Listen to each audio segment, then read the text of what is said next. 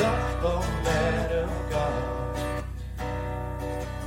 have done with lesser things. Give heart and soul and mind and strength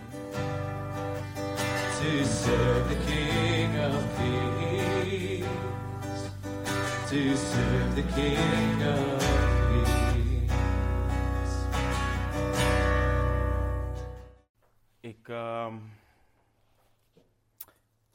ik heb geen slides, dus ehm, jullie moeten echt jullie Bijbels open hebben.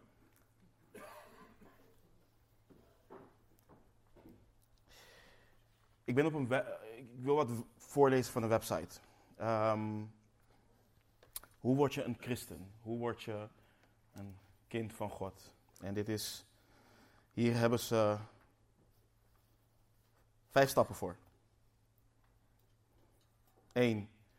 Geloof dat je geliefd bent en geaccepteerd bent door God. Dat is één. 2.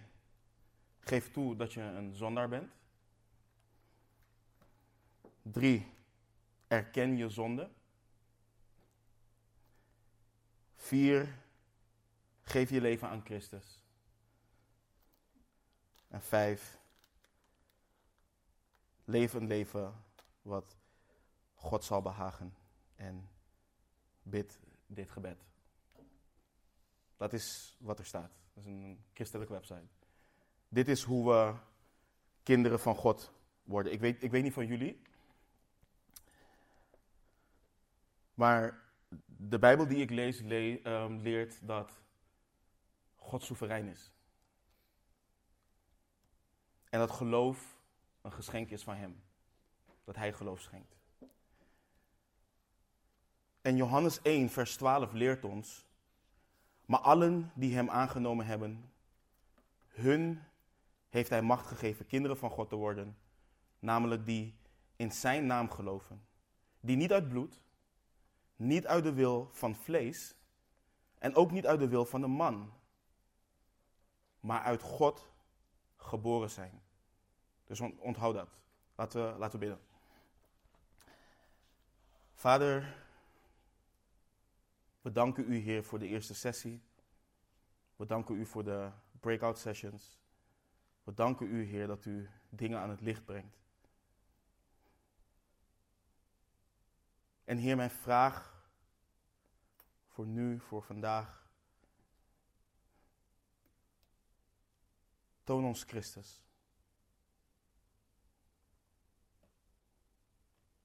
En help ons, Heer. In Jezus' naam. Amen.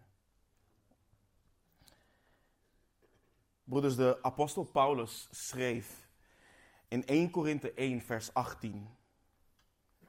Want het woord van het kruis is voor hen die verloren gaan wel dwaasheid, maar voor ons die behouden worden is het een kracht van God.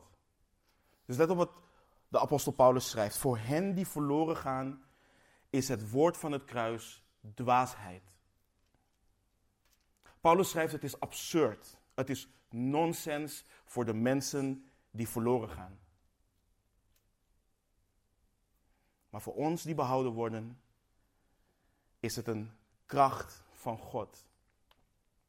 En aan dat kruis, waar de apostel Paulus over schrijft, schreeuwde onze Heer Jezus Christus uit, Tetelestai, het is volbracht. Het is betaald, de schuld is betaald, volledig afbetaald. Christus, de weg, de waarheid en het leven, heeft de drinkbeker van Gods toorn gedronken om vijanden van God te verzoenen met Hem. Om hen vrij te kopen als slaaf van de zonde. Om mensen die dood zijn in hun zonde en overtredingen, leven te geven in Hem. Door reddend geloof in Hem. Om mensen te doen ontsnappen aan de komende toorn van de Heere God.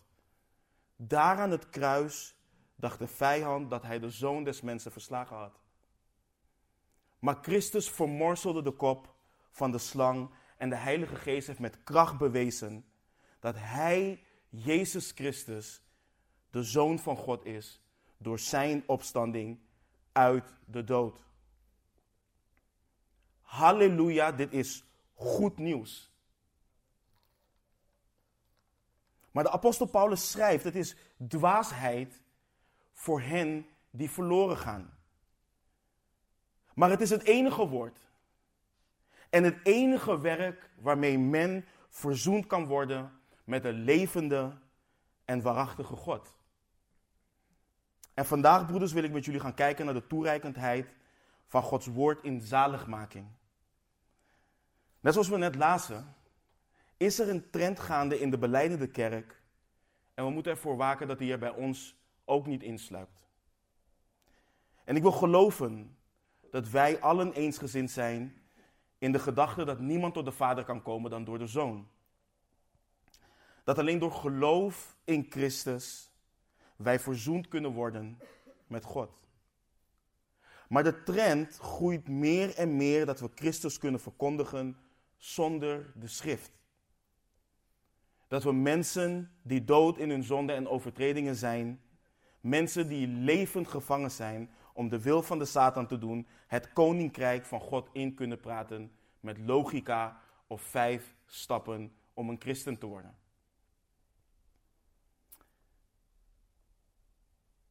Zes jaar geleden liep ik Hillsong in, in Amsterdam. Ik was er voor het eerst. De voorganger die riep, als er iemand is die nu zijn leven aan Christus wil geven, steek, steek je hand op. Ik dacht, ja, tuurlijk, waarom niet? Al het oude is voorbij gegaan, zie alles is nieuw geworden. Oh, wauw, prachtig. Dus ik steek mijn hand op. Er zijn mensen die in de zaal staan. Die komen naar me toe. Die geven me een zak mee. Die zeggen, hey, wil jij dienen in deze kerk? Tien minuten geleden heb ik mijn leven aan Christus gegeven. Volgens hun. we denken dus dat we met menselijke logica, menselijke wijsheid, mensen het koninkrijk van God in kunnen praten. Let op een citaat van Lee Strobel, de auteur van bestseller The Case for Christ. Laten we de autoriteit, ik citeer, laten we de autoriteit van de Bijbel niet geloven, simpelweg omdat de Bijbel beweert dat het maar waar is. Laten we kijken naar moderne kosmologie, natuurkunde, eh, biochemie en genetica. Alles wat op een krachtige manier wijst naar een bovennatuurlijke schepper die verdacht veel lijkt op de God van de Bijbel. Einde citaat. Een ander citaat van Frank Turek, apologeet en auteur van het boek Ik heb te weinig geloof om een atheïst te zijn. We gaan aan de hand van twee wetenschappelijke argumenten en één filosofisch argument laten zien dat er een grenzeloze, tijdloze, geestelijke, krachtige, morele, intelligente schepper bestaat. En we gaan niet de Bijbel gebruiken om je dat bewijs te presenteren. We gaan je het bewijs geven en laten zien waar dat naartoe leidt. Einde citaat. En laatste, en deze is van William Lane Gregg, filosoof en apologeet in een ruimte vol met ongelovigen. Ik citeer. We pleiten vanavond niet voor het christendom. We proberen niet te weerleggen dat Allah niet bestaat. We pleiten voor algemene monotheïsme, wat wordt bevestigd door Joden, christenen, moslim, deïsten en theïsten. Einde citaat. Miljoenen mensen kijken en luisteren naar deze mannen en proberen hun technieken en strategieën te gebruiken om in gesprek te gaan met de ongelovigen en zo Jezus Christus te verkondigen. En alsof dat niet al erg genoeg is, is er een groeiende trend dat mensen worden gezegd om het christendom uit te proberen. Geef God een kans. Geef Jezus een kans. Kom naar de kerk, probeer het gewoon. En als er niets gebeurt, als je niets voelt, dan heb je het in ieder geval geprobeerd. God moet zich blijkbaar bewijzen. Want niet God is soeverein, mensen zijn soeverein. Het initiatief ligt niet bij God, maar bij mensen. Niet de mens moet verzoend worden met God, maar God moet verzoend worden met mensen. Alsof hij schuldig is. En hij zijn bestaansrecht moet bewijzen. En deze dwaasheid komen we nergens in de schrift tegen. Nergens.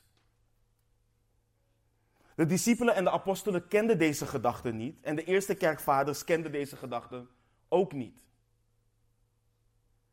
En de beleidende kerk anno 2021 handelt vanuit de gedachten dat mensen overtuigd moeten worden van Gods bestaan. En dat in het kader van de rekenschap afgeven voor de hoop die we hebben, zoals de apostel Petrus dat schrijft. Maar we moeten het woord van de Heer in context lezen. De psalmist schreef in Psalm 14, vers 1, dat de dwaas zegt in zijn hart dat er geen God is. En de apostel Paulus leert ons in Romeinen 1 dat we mensen niet hoeven te overtuigen van Gods bestaan. Want in Romeinen 1 vanaf vers 18 lezen we, want de toorn van God wordt geopenbaard vanuit de hemel over alle goddeloosheid en ongerechtigheid van de mensen, die de waarheid in ongerechtigheid onderdrukken, omdat wat van God gekend kan worden hun bekend is. God zelf heeft het hun immers geopenbaard. Want de dingen van Hem die onzichtbaar zijn, worden sinds de schepping van de wereld uit Zijn werken gekend en doorzien. Namelijk en Zijn eeuwige kracht en Zijn goddelijkheid, zodat zij niet te verontschuldigen zijn. Mensen onderdrukken de waarheid in ongerechtigheid. Mensen weten dat God bestaat. God heeft het hun geopenbaard. Maar ze willen de Heere God niet kennen. Ze willen zich niet onderschikken aan hun schepper. En het maakt niet uit of iemand in de rimboe woont, niet kan lezen of nooit over de Heere Jezus heeft gehoord. Wat van God gekend kan worden, is hun bekend. God heeft het geopenbaard. Maar ze blijven de waarheid en ongerechtigheid onderdrukken. Ze hebben de waarheid van God vervangen door de leugen en het schepsel vereerd en gediend boven de schepper die te prijzen is tot in eeuwigheid. Amen. En broeders, als we dit niet begrijpen, wanneer we ons niet bekeren van het verkondigen van het evangelie, wat geen evangelie is, waar Stan het ook net over had, wanneer we mensen in hun hoogmoed willen laten denken dat ze met logica tot de heilige, rechtvaardige, waarachtige God kunnen komen, dan hebben we niet te maken met een wedergeboorte wanneer iemand beleidt in Christus te geloven, maar met een misgeboorte. De Heere Jezus zei namelijk, voorwaar, voorwaar. Als iemand niet opnieuw geboren wordt, kan hij het koninkrijk van God niet zien. Voorwaar, voorwaar, als iemand niet geboren wordt uit water en, eh, eh, water en geest, niet uit logica, niet met menselijke beredeneringen, maar uit water en geest kan hij het koninkrijk van God niet binnengaan. Wat uit vlees geboren is, is vlees. En wat uit de geest geboren is, is geest. En het is essentieel dat we overeenkomstig de schrift het evangelie brengen. Overeenkomstig de Heere God heeft geopenbaard. Want de apostel Paulus schreef terecht aan de Galaten in 1, uh, Galaten 1 vers 8 en 9. Maar zelfs als wij of een engel uit de hemel u een evangelie zal verkondigen, anders dan wat wij u verkondigd hebben, die zij vervloekt. En zoals wij al eerder gezegd hebben, zo zeg ik u ook nu weer. Als iemand u een evangelie verkondigt, anders dan wat u ontvangen hebt, die zij vervloekt. Mohammed was vervloekt. Hij dacht dat Gabriel hem het goede nieuws bracht. Maar dat was niet zo. En dit geldt dus niet alleen voor wanneer iemand een evangelie van werken brengt, zoals enkele van de besnijdenis dat in gelaten kwamen brengen. Dit geldt voor ieder ander evangelie wat geen evangelie is. En als je je hieraan schuldig maakt, beleid je zonde aan de Heere God. Bekeer je. En Hij is getrouw en rechtvaardig om ons de zonde te vergeven en ons te reinigen van alle ongerechtigheid. Maar de vraag is, hoe gaan we hier bijbels mee om? Wat bedoelen we met de toereikendheid van Gods woord in zaligmaking? Wat bedoelen we daarmee? Wat we daarmee bedoelen is dat iemand alleen tot reddend geloof kan komen van de soevereine God wanneer hij of zij het ware evangelie hoort en de Heilige Geest het bovennatuurlijke werk doet en die persoon geloof schenkt en tot wedergeboorte doet komen. Het goede nieuws van onze Heer Jezus Christus overeenkomstig de schriften. Als je in je Bijbel naar 1 Korinthe 15 gaat, dan schreef de apostel Paulus het als volgt. Van vers 1.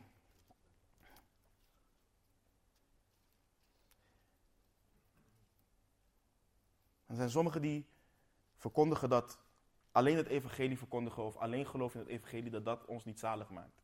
Maar let op wat er staat. Vanaf vers 1. Verder maak ik u bekend, broeders, het evangelie dat ik u verkondigd heb. Dat u ook aangenomen hebt, waarin u ook staat, en let op vers 2, waardoor u ook zalig wordt. Als u eraan vasthoudt, zoals ik het u, zoals ik het u verkondigd heb, tenzij dat u te vergeefs geloofd hebt. Want ik, heb ten eerste, want ik heb u ten eerste overgeleverd wat ik ook ontvangen heb. Dat Christus gestorven is voor onze zonden overeenkomstig de schriften. En dat hij begraven is. En dat hij, is opge, dat hij opgewekt is op de derde dag overeenkomstig de schriften. En dat hij verschenen is aan Kefas, daarna aan de twaalf. Daarna is hij verschenen aan meer dan 500 broeders tegelijk, van wie de meesten nu nog in leven zijn, maar sommigen ook zijn ontslapen. Daarna is hij verschenen aan Jacobus, daarna aan alle apostelen. En let op een aantal essentiële punten die we niet over het hoofd mogen zien. Paulus schrijft dat het evangelie wat hij verkondigd heeft, dat dat hetgene is wat mensen zalig maakt. Geloven in het ware evangelie maakt mensen zalig. Er is niets anders wat een persoon zalig kan maken. Er is geen nieuws wat mensen zalig kan maken dan het goede nieuws van en over onze Heer Jezus Christus. Dat is iets wat we diep in ons hart moeten opsluiten. We moeten dit um, in ons verstand kerven. Niets, maar dan ook niets maakt iemand zalig dan het woord van het kruis, wat dwaasheid is voor de mensen. Ik had een gesprek met iemand die beweerde dat ook dat muziek men zalig maakte en bolwerken en banden brak. En hij verwees naar hoe David de harp speelde voor koning Saul. Dat is het allegoriseren van de tekst. Dat is het verbuigen van de tekst. Dat is het verkrachten van de tekst. De tekst spreekt helemaal niet over zaligmaking. Reddend geloof is uit het gehoor en het gehoor door het woord van God. Paulus schrijft, waardoor ook u zalig wordt.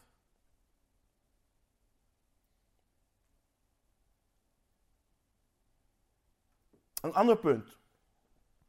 Het evangelie begint met Christus. Het begint met God. Het is niet het goede nieuws over mensen. Het is het goede nieuws van en over Christus voor zondige mensen. Tegenwoordig begint het evangelie vaak met de mens. God houdt van jou. Hij heeft een geweldig plan met en voor jou. Wie kan mij in handelingen laten zien waar één van de discipelen een van de apostelen op deze wijze het goede nieuws heeft gedeeld? Niemand. Niemand. Aan de Joden in Handelingen 2 begint, begint de apostel Petrus met: Dit is wat gesproken is door de profeet Joël. Dat is hoe hij begint. In Handelingen 3, na het genezen van de kreupele man. Het is de God van Abraham, Isaac en Jacob, de God van onze vaderen. Hij heeft zijn kind Jezus verheerlijkt, die u hebt overgeleverd. U hebt hem verlogend. In Handelingen 4 voor het Sanhedrin. Laat het dan bij u allen en bij heel het volk van Israël bekend zijn dat door de naam van Jezus Christus, de Nazarener, die u hebt gekruisigd, maar die God uit de doden heeft opgewekt, dat door hem deze man hier gezond voor u staat. Het begint met Christus. En als je denkt, ja maar, Jew, deze mensen geloofden in God. Dit waren Joden. Zij kenden de schrift. Paulus in Athene voor de heidenen. Toen ik de stad doorging en uw heiligdommen bekeek, trof ik ook een altaar waarop het opschrift stond aan de onbekende God. Let op wat hij zegt. Deze dan, die u dient zonder dat u, dat u hem kent, die verkondig ik. De God die de wereld gemaakt heeft en alles wat daarin is. Deze, die een Heere van de hemel en van de aarde is, woont niet in tempels die met handen gemaakt zijn. Hij wordt ook door mensenhanden niet gediend alsof hij iets nodig heeft, omdat hij zelf aan allen het leven, de adem en alle dingen geeft. En wanneer hij de onbekende God heeft, uh, kenbaar heeft gemaakt, dan zegt hij, God dan verkondigt, met voorbijzien van de tijden van de onwetendheid, nu overal aan alle mensen dat hij een geweldig plan voor ze heeft? Dat ze hun dromen moeten najagen?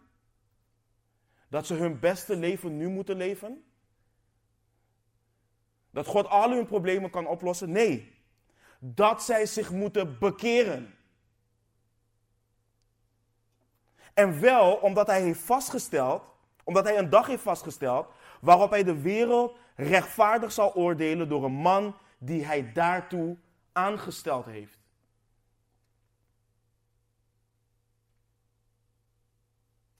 God staat centraal in het evangelie, niet mensen. Het evangelie begint met en bij hem en eindigt met en bij hem. En aan het hart van dit goede nieuws ligt dat Jezus Christus is gestorven voor de zonde van de mensen begraven is en op de derde dag is opgestaan overeenkomstig de schriften. Niet overeenkomstig logica, niet overeenkomstig de wijsheid van mensen of voortreffelijkheid van woorden, overeenkomstig de heilige schriften van God. Ik weet dat hier hele slimme mannen zitten. Afgestudeerd en noem maar op. En als zou je de slimste mannen uit de wereld in één ruimte zetten, en zo honderd jaar lang een plan van verlossing zouden laten bedenken, zouden ze niet met dit plan kunnen komen. Niemand bedenkt dit dan God. Het is overeenkomstig de schriften. Je verkondigt Jezus Christus die begraven is. En Jezus Christus die is opgestaan op de derde dag. Overeenkomstig de schriften. Twee keer schrijft Paulus dit. Overeenkomstig de schriften. En ik ga hier zo dieper op, maar broeders, in Efeze 6, vers 17. En dit is heel belangrijk met betrekking tot de toereikendheid van het woord.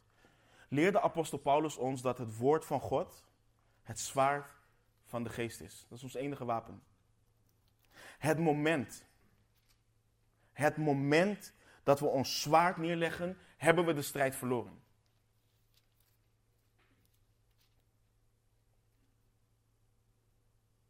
Heeft God echt gezegd? En Eva reageert met wat God heeft gezegd. Je zult zeker niet sterven. En Eva kijkt naar die boom. En ze legt het zwaard neer. En de strijd is verloren. Alleen het woord van God is levend en krachtig en scherper dan enig tweesnijdend zwaard en alleen het woord van God dringt door tot op de scheiding van ziel en geest, van gewrichten en merg. En het oordeelt de, eh, de overleggingen en gedachten van het hart. Alleen met het woord van God breken we valse redeneringen af. En elke hoogte die zich verheft tegen de kennis van God. Alleen met het zwaard van de geest kunnen we elke gedachte gevangen nemen om die te brengen tot de gehoorzaamheid aan Christus. En waarom? Omdat dit woord van kaf tot kaf van Christus getuigt. Het getuigt van het woord wat er in het begin was, het woord wat bij God was, het woord wat God is. Alleen het woord van God openbaart wie Hij is en geeft ons de mogelijkheid om Hem te leren kennen. En is dat niet het eeuwige leven? De enige waarachtige God kennen en Jezus Christus die Hij gezonden heeft. Er zijn in de afgelopen tijd allerlei initiatieven gestart. Ik ga dat niet lopen bashen en noem maar op, maar hoor me aan. Men gaat de dam op, of reist door Nederland met een aantal muzikanten. Ze zingen wat aanbiddingsliederen. Mensen worden geraakt door de liederen. Iemand loopt naar ze toe en vraagt ze: Wil je Jezus Christus accepteren en vragen om in je hart te komen? Hij houdt van je. Hier, bid dit gebed. Hebben we geen ontzag voor de Heere God? Hebben we geen ontzag voor het evangelie? Let op wat Jacobus schrijft. In Jacobus 1, vers 18. deze mensen denken dat ze hierdoor wedergeboren zijn. En vooropgesteld, sommige mensen kunnen tot reddend geloof komen. En dat is niet dankzij dat, dat is ondanks dat. Maar Jacobus schrijft in Jacobus 1:18 overeenkomstig zijn wil heeft hij ons gebaard niet door een gevoel, door het woord van de waarheid, opdat wij in zeker opzicht eerstelingen van zijn schepselen zouden zijn. De apostel Petrus in 1 Petrus 1, versen 22 en 23. Nu u dan uw zielen gereinigd hebt in de gehoorzaamheid aan de waarheid door de geest tot ongeveinsde broederliefde, heb elkaar vurig lief uit een rein hart.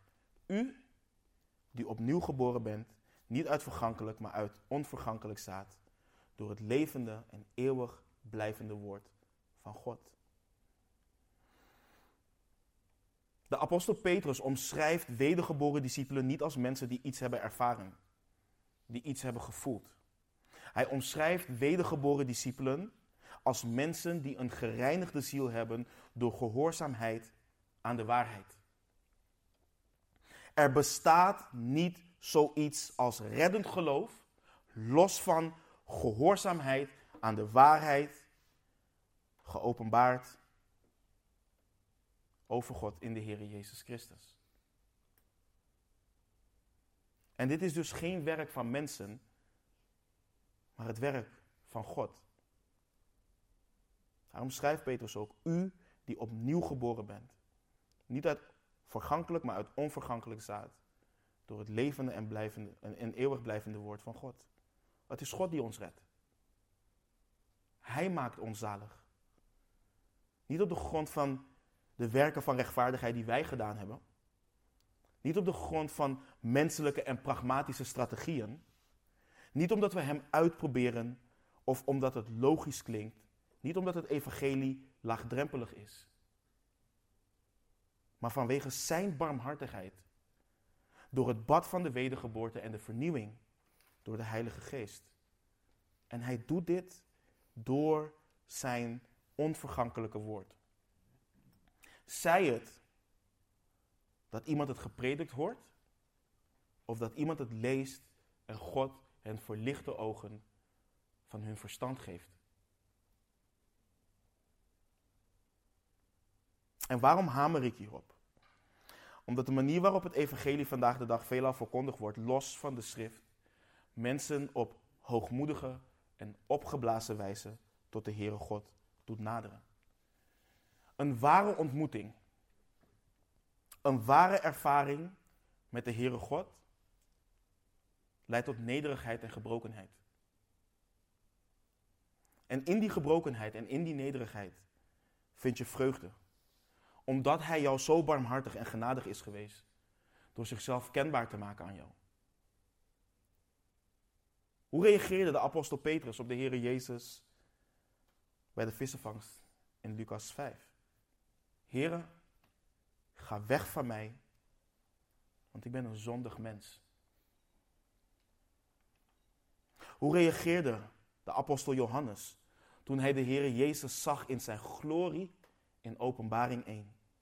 Hij viel als de dood aan zijn voeten. Dat is, dat is wat er gebeurt. Wanneer de glorie van God met zijn volledige gewicht neerkomt. Hoe vaak horen we in de charismatische kerk, God was hier. Hij is met kracht hier gekomen en mensen staan te dansen en springen en blaffen en lachen en rollen. Dat is niet de glorie van God. Dat is het werk van het vlees. Dat is het werk van de duivel.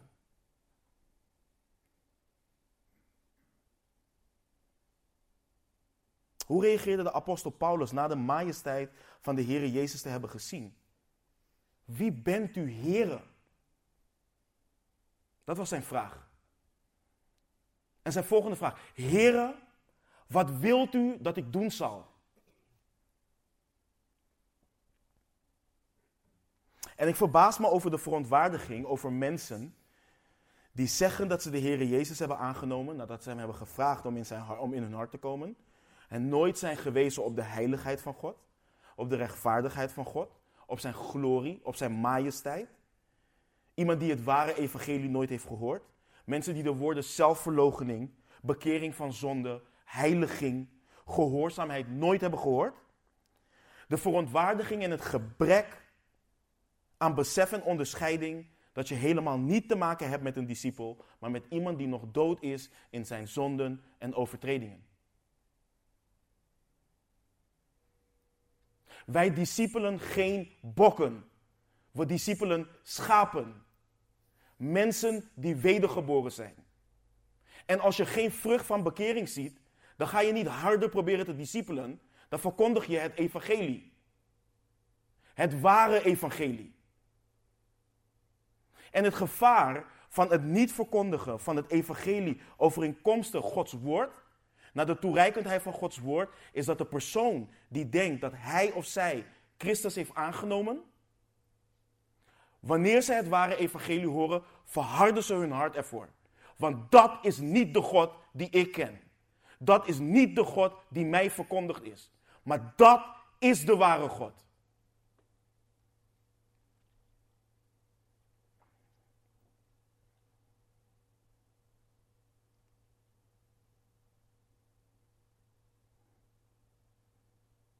We moeten beseffen dat dit ligt aan het niet geloven in de toereikendheid van Gods woord in zaligmaking. Het niet beseffen en geloven dat het evangelie van Christus een kracht van God is tot zaligheid voor een ieder die gelooft. Het niet beseffen dat het evangelie zo eenvoudig is dat een kind het kan begrijpen, maar ook weer zo diepgaand is dat wanneer we erop mediteren, ons hart iedere keer gebroken dient te worden voor het ontzag, ontzagwekkende werk van Jezus Christus aan het kruis. Want broeders, we zitten hier. En we beleiden discipelen van Jezus Christus te zijn. We beleiden wedergeboren te zijn. Maar beseffen we heel goed wat er daar aan het kruis is gebeurd? Het maakt niet uit hoe lang je met de Heer denkt te wandelen. Het maakt ook niet uit of je denkt in de kerk geboren te zijn. Mediteer je in Gods woord, en dan heb ik het niet alleen over het Nieuwe Testament. Mediteer je op en door hele draadsbesluit van God op het evangelie. Ik had het net over, het, over de eenvoud van het evangelie. En als ik bijvoorbeeld Johannes 3:16 neem en aan mijn dochter van vijf uitleg, waar we lezen, want zo lief heeft God de wereld gehad, of zo lief heeft God de wereld gehad, dat hij zijn enige geboren zoon gegeven heeft, opdat ieder die in hem gelooft niet verloren gaat, maar eeuwig leven heeft. En ik kan mijn dochter uitleggen dat het de liefde is van God, wat hem dreef om zijn zoon voor ons te geven. En als we geloven in zijn zoon, als we geloven in de Heer Jezus voor de vergeving van zonde, dan zullen we niet verloren gaan, maar eeuwig leven hebben. En wanneer ik dit aan mijn dochter van vijf uitleg, dan zie ik van oor tot oor een glimlach. Dan zegt ze, papa, God houdt van mij. Dan zeg ik, halleluja. Maar broeders, dan lees ik met mijn dochter Deuteronomium, waar we ons nu in de gemeente in bevinden. En dan hoort ze tijdens de dienst, de wat oudere kinderen zitten sinds kort bij ons in de dienst, hoort ze tijdens de dienst dat de Heere God in Exodus 34, vers 7 zegt dat hij goede tierenheid blijft bewijzen aan duizenden, die ongerechtigheid, overtreding en zonde vergeeft, maar die de schuldige zeker niet voor onschuldig houdt. En nu, broeders, hebben we een dilemma voor ons. Nu zitten we met een dilemma. Want we lezen dat God hier de ongerechtigheid, de overtreding en de zonde vergeeft. Maar hij houdt de schuldige niet voor onschuldig. En hoe kan onze rechtvaardige rechter, hoe kan onze heilige God, hoe kan hij jou en mij in zijn aanwezigheid laten leven, voor eeuwig, zonder dat we verteerd worden door zijn toorn? Hoe kan dat? Want ik ben schuldig. En jullie zijn schuldig. We zijn allemaal schuldig. Er is niemand rechtvaardig, ook niet één. Er is niemand die goed doet, er is zelfs niet één. Ook die oude, vriendelijke buurvrouw. Ook die collega die ongelovig is, waar je het zo goed mee kan vinden. Misschien zelfs je ongelovige partner. Er is niemand die goed doet. Zelfs niet één.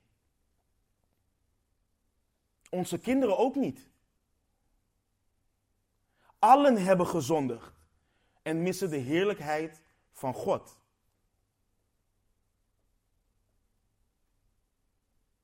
Broeders, beginnen we het te zien. Hoe lief had God de wereld? Moeten we onszelf afvragen. Hoe groot is deze liefde?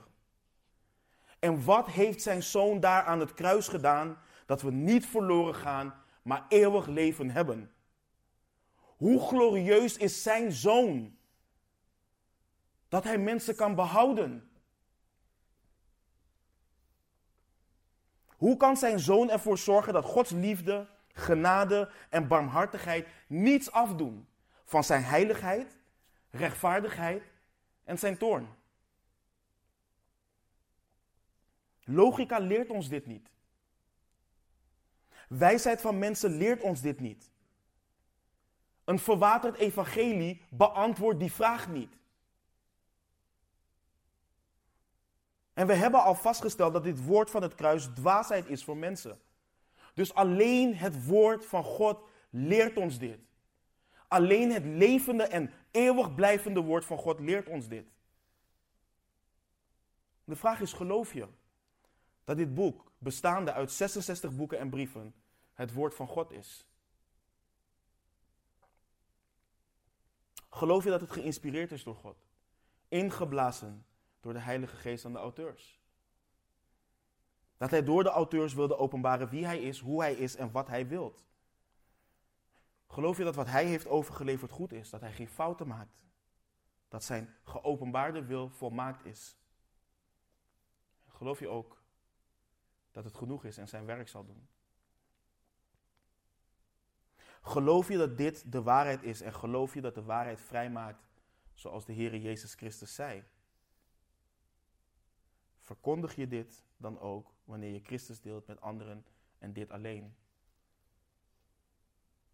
Het eeuwige leven is de enige waarachtige God en Jezus Christus die Hij gezonden heeft, kennen. Kijk, soms denken we dat we die strategieën kunnen gebruiken en we denken dat we slim zijn. Hè? Nee, ik, ik, ik zeg dit en ik doe iemand nadenken en ik, pla, ik plant of ik zaai een zaadje. Nee. Je zaait verderf. Dat is wat je zaait. Het woord van God leert ons in Psalm 5, vers 5 tot en met 7. U bent geen God die vreugde vindt in goddeloosheid. De kwaaddoener zal bij u niet verblijven. De dwazen blijven niet staande voor uw ogen. U haat allen die onrecht bedrijven. Heb je wel eens gehoord dat iemand zegt: God haat de zonde, maar niet de zondaar? En dat we op die manier God laagdrempelig willen maken. U haat allen die onrecht bedrijven. U brengt de leugenaars om. Van de man van bloed en bedrog heeft de Heer een afschuw. En waarom? Omdat God heilig is. Er is niemand zo heilig als de Heer. Hij is te rein van ogen om het kwade aan te zien. Hij is licht. Er is in hem in het geheel geen duisternis, geen verandering of schaduw van omkeer. Iedere zonde beledigt de heiligheid van God. Iedere zonde verklaart hem de oorlog en laat rebellie, vijandschap richting hem zien. En iedere zondaar verdient zijn heilige en rechtvaardige toorn. En je moet je beseffen, God is de schepper van hemel en aarde. Hij is onze schepper. Hij heeft de mens gevormd uit het stof van de aardbodem. Hij heeft ons gemaakt voor zijn eer, voor zijn glorie. Hij heeft ons gemaakt als zijn beelddrager. Maar als zonen en dochters van Adam leven we, leven gevallen mensen niet overeenkomstig zijn wil, maar overeenkomstig de leefwijze van deze goddeloze en gevallen wereld. Overeenkomstig de wil van de Satan. Men leeft naar de begeerte van hun vlees door de wil van het vlees en de gedachten te doen. En dit allemaal terwijl ze de waarheid van God in ongerechtigheid onderdrukken. En het lijkt erop alsof we God willen, God willen helpen met zijn reputatie door dit wat hij over zichzelf heeft geopenbaard in de schrift weg te laten. Wat Sten zei. De schrift min. Men wil de Heere God likable maken. We hebben hem lief omdat hij ons eerst heeft lief gehad. Dat is waarom we hem lief hebben. En ik wil ons eraan herinneren. We zijn geen PR-medewerkers van de Heere God. We zijn geen marketeers van de Heere God. We zijn zijn getuigen. En getuigen die verkondigen wat ze hebben gezien en wat ze hebben gehoord.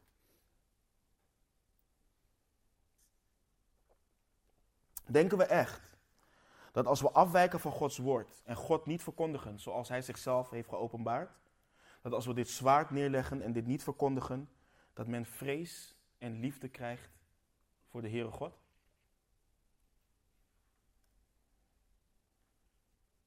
Nee, want de vrees God staat ze niet voor ogen. En ze vragen een Jezus die niet redden kan in hun hart en geloven in een God die een teddybeer is en hun goedkeuring nodig heeft. En het enige wat ze blijven doen, is zich schuldig maken aan afgoderij.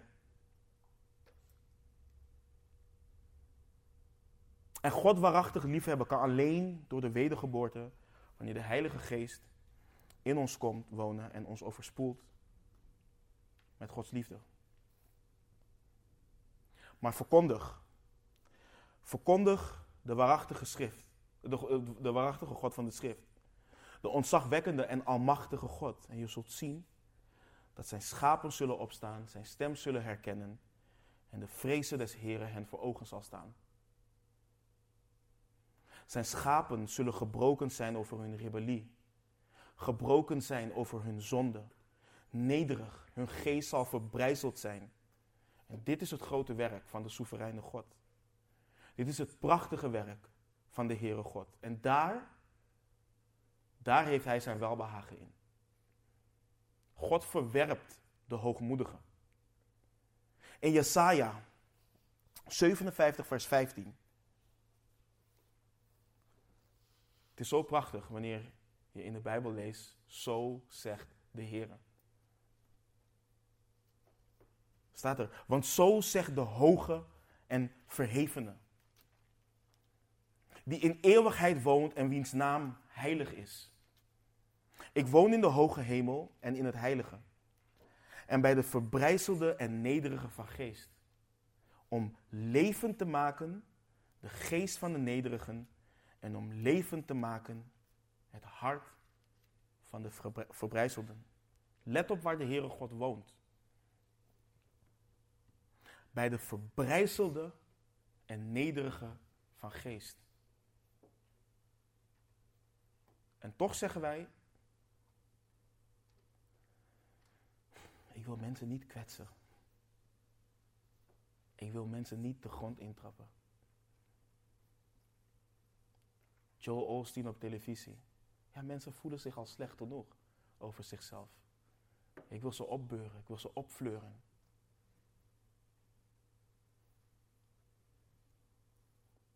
Ik woon in de hoge hemel en in het heilige. En bij de verbrijzelde en nederige van geest om levend te maken de geest van de nederigen en om levend te maken het hart van de verbrijzelden. Als mensen echt verbrijzeld waren, dan zouden ze vasthouden aan het kruis en nooit meer loslaten. Maar men is niet verbrijzeld over de zonde. Men is verbrijzeld over het feit dat ze een plan voor hun leven hebben en dat de consequenties van de zonde die plannen in de weg staan.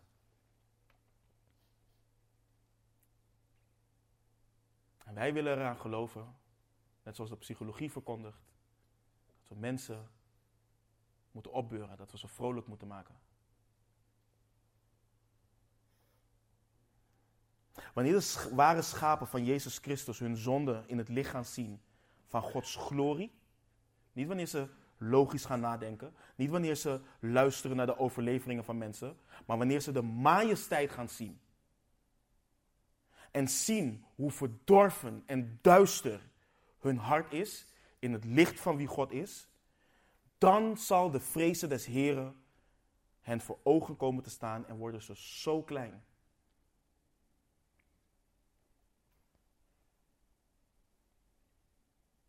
En dan zitten we nog steeds met het dilemma. Nu erkennen ze dit. En zijn ze nog steeds schuldig. Dus wat nu? Waar moeten ze met hun schuld heen? Waar moeten ze met hun zonde heen? En dan denk ik aan hoe, de, hoe Johannes de Doper schreeuwde: Zie het lam van God, die de zonde van de wereld wegneemt. Dat is wat Gods toereikend woord ons leert. Oh, en dan zien we door de schrift hoe geweldig, hoe wonderbaarlijk, hoe kostbaar vergeving is. Dan zien we dat de Heere God nooit hoeft te stoppen met heilig en rechtvaardig zijn om zijn schapen te verzoenen met zichzelf.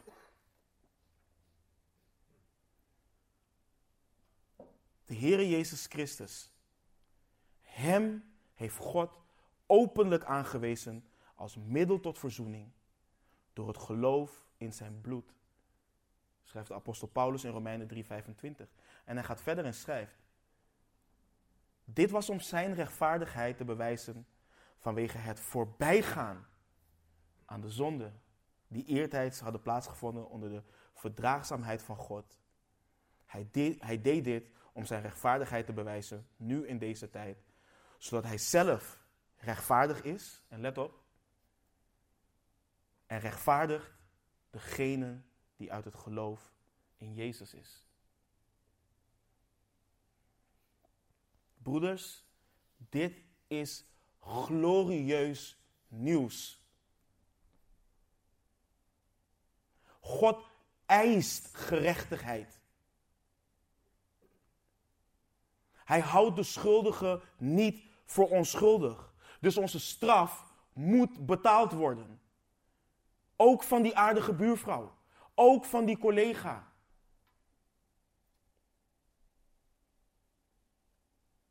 En God zou volledig rechtvaardig zijn. Hoe gebroken we ook zijn over onze zonde en onze staat, als Hij het volledige gewicht van zijn toorn op ons doet neerkomen.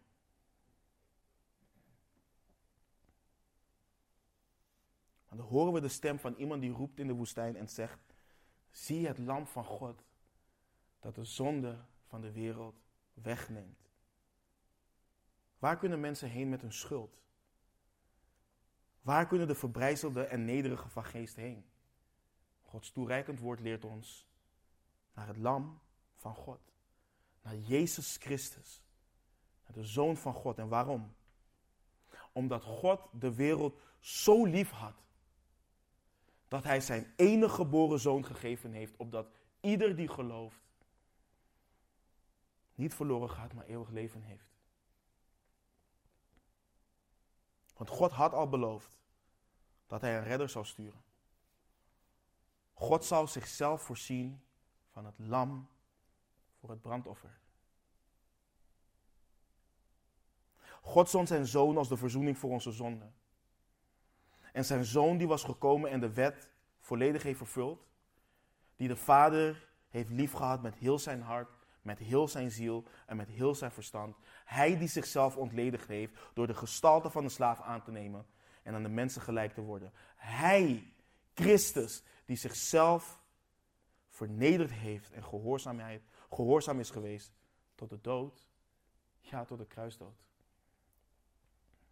Hij die geen zonde gedaan heeft en in wiens mond geen bedrog gevonden is. Die toen hij uitgescholden werd niet terugschold en toen hij leed niet dreigde, maar het overgaf aan hem die rechtvaardig oordeelt. Jezus Christus, de rechtvaardige, de goede redder, hij heeft zijn leven gegeven voor zijn schapen. Hij is onschuldig aan het kruis gegaan, behandeld en veroordeeld als een schuldige man en heeft het volledige gewicht van Gods toorn, wat jij en ik verdienen, gedragen op zijn schouders. Hij zei het is volbracht, het is betaald. Hij is door God geslagen en verdrukt. Jezus Christus is om onze overtredingen verwon en onze ongerechtigheden verbrijzeld. En hoe durven we dan naar mensen toe te komen en te vertellen dat God van ze houdt en niet vertellen hoe God van hen gehouden heeft? Wat het gekost heeft. Want broeders, genade is gratis, maar het is niet goedkoop.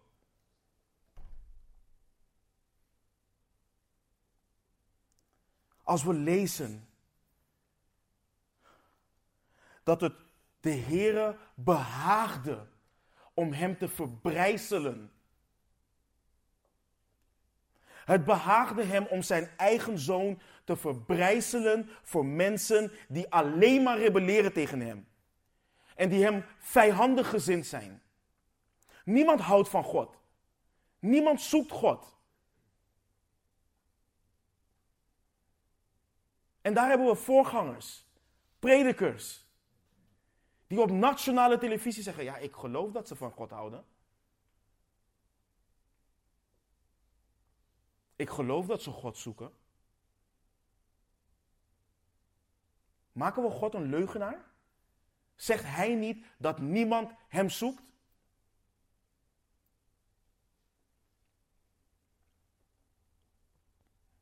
Het behaagde hem om zijn eigen zoon te verbrijzelen. Zien we in het licht van wie God is en hoe wij zijn, hoe groot de liefde van God is.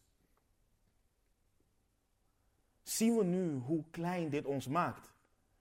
Zien we in waarom mensen dit moeten horen? Dit is goed nieuws. Dit is het goede nieuws. Dit is het nieuws waarvan waarover Paulus zo verbaasd was. Dat mensen zo snel van waren afgeweken. En Paulus zegt, ik verbaas me, en dit is iets wat we goed moeten begrijpen. Hij zegt, ik verbaas me dat je je zo snel afwendt van Hem. Dus als we denken dat we komen met een verwaterd evangelie en denken dat we hem verkondigen.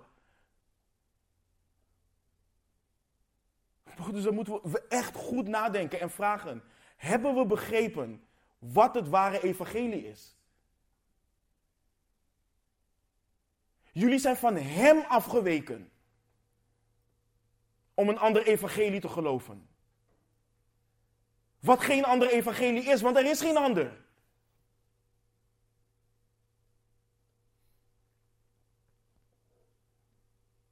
Dit is het goede nieuws. Dit is zaligmakend nieuws.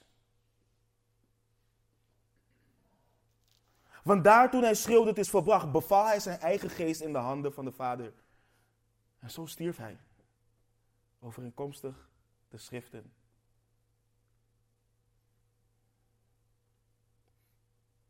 Precies zoals in de toereikende schrift staat. Ik ben de goede herder. En de goede herder geeft zijn leven voor de schapen. Daarom heeft de Vader mij lief. Omdat ik mijn leven geef om het opnieuw te nemen. Niemand neemt het, van, niemand neemt het mij af. Want ik geef het uit mezelf. Ik heb macht het te geven. En heb macht het opnieuw te nemen. Dit gebod heb ik van mijn vader ontvangen. En hij heeft het opnieuw genomen. Hij is opgestaan op de derde dag. Want bij monden van David was geprofeteerd dat hij zijn ziel niet in het graf zou verlaten.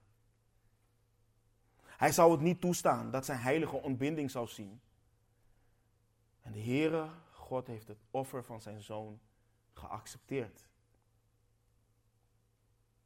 Nogmaals, de prijs is betaald. En dat is hoe de Heere God, oneindig heilig, oneindig rechtvaardig, oneindig barmhartig, oneindig liefdevol, oneindig genadig, oneindig goed is en blijft. Want Christus heeft iedere zonde waarvoor jij en ik zelf moesten betalen, geleden en die betaald. En de loon die we verdienen, de dood, dat komt hen die tot reddend geloof komen niet meer toe. Want de genade van God is eeuwig leven door Jezus Christus, onze Heer.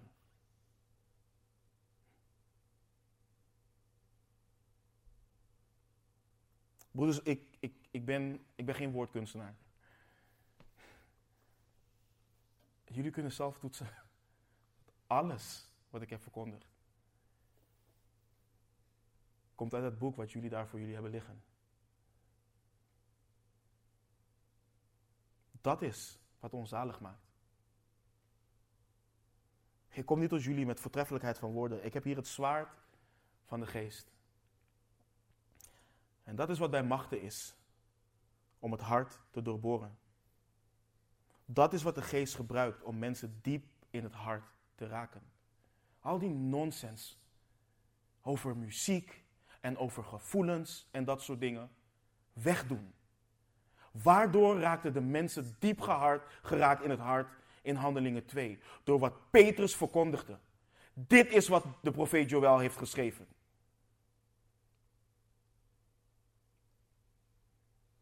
Er was niemand met een gitaar daar. Er was niemand met een cajon daar.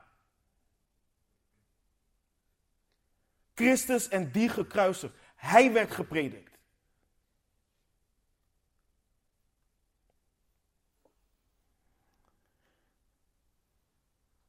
Gods woord is het vuur wat mensen in vuur en vlam voor hem zet.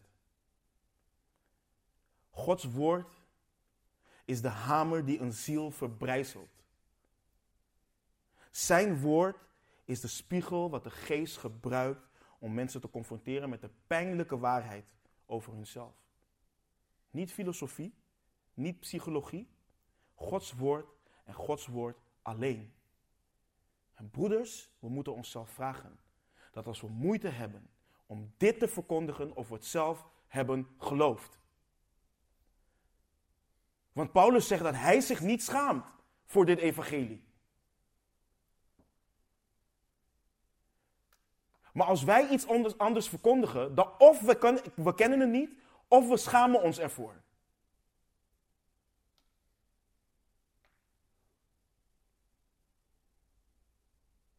Jacobus schrijft in Jacobus 1, vers 21. Leg daarom af alle vuilheid en elke uitwas van slechtheid en ontvang met zachtmoedigheid het in u geplante woord dat uw zielen zalig kan maken.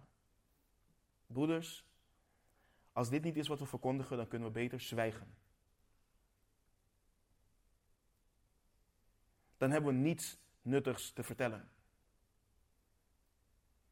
Maar het ding is, we hebben wel wat nuttigs te vertellen. We zijn bewapend met het goede nieuws. En dit zijn, dit zijn geen kunstig bedachte verzinsels. Christus is gehoord, hij is gezien, hij is aanschouwd, hij is getast. Geloof je dat? En ja, laat het dan aan alle bekend worden dat vandaag de dag van het heil is. Laat ze weten dat vandaag de dag is dat ze verzoend moeten worden met de levende God.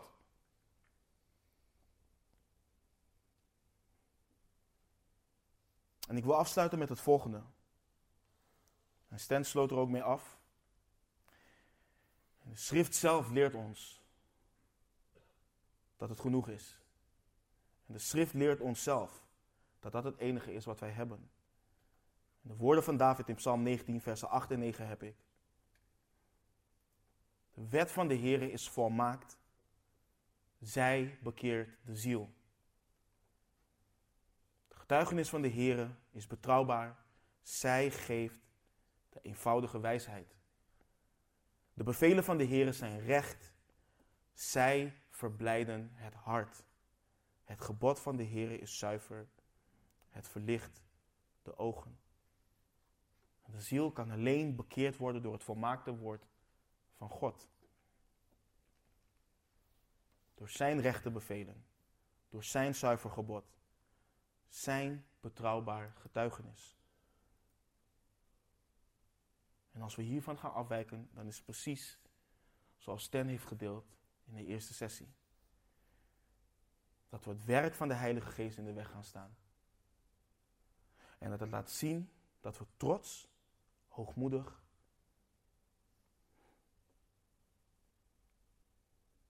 dat we trots en hoogmoedig zijn. En ons niet willen onderwerpen aan het gezag van de Heilige Schrift.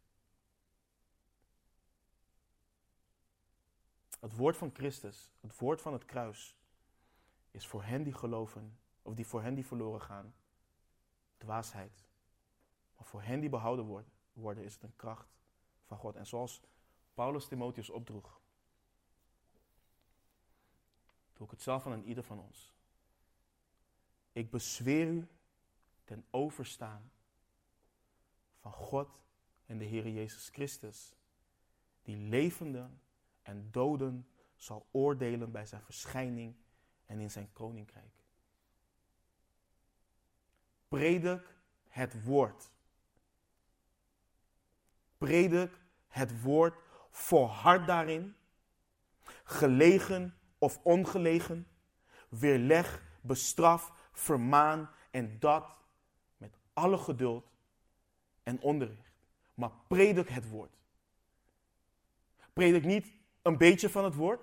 Predik niet met het woord. Predik niet uit. Predik het woord. Laten we bidden. Heer,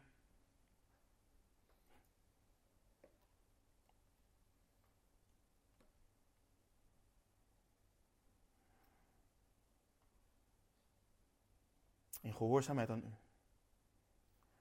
Tot eer en glorie van uw Zoon. In de kracht van de Heilige Geest. In Jezus' naam. Amen.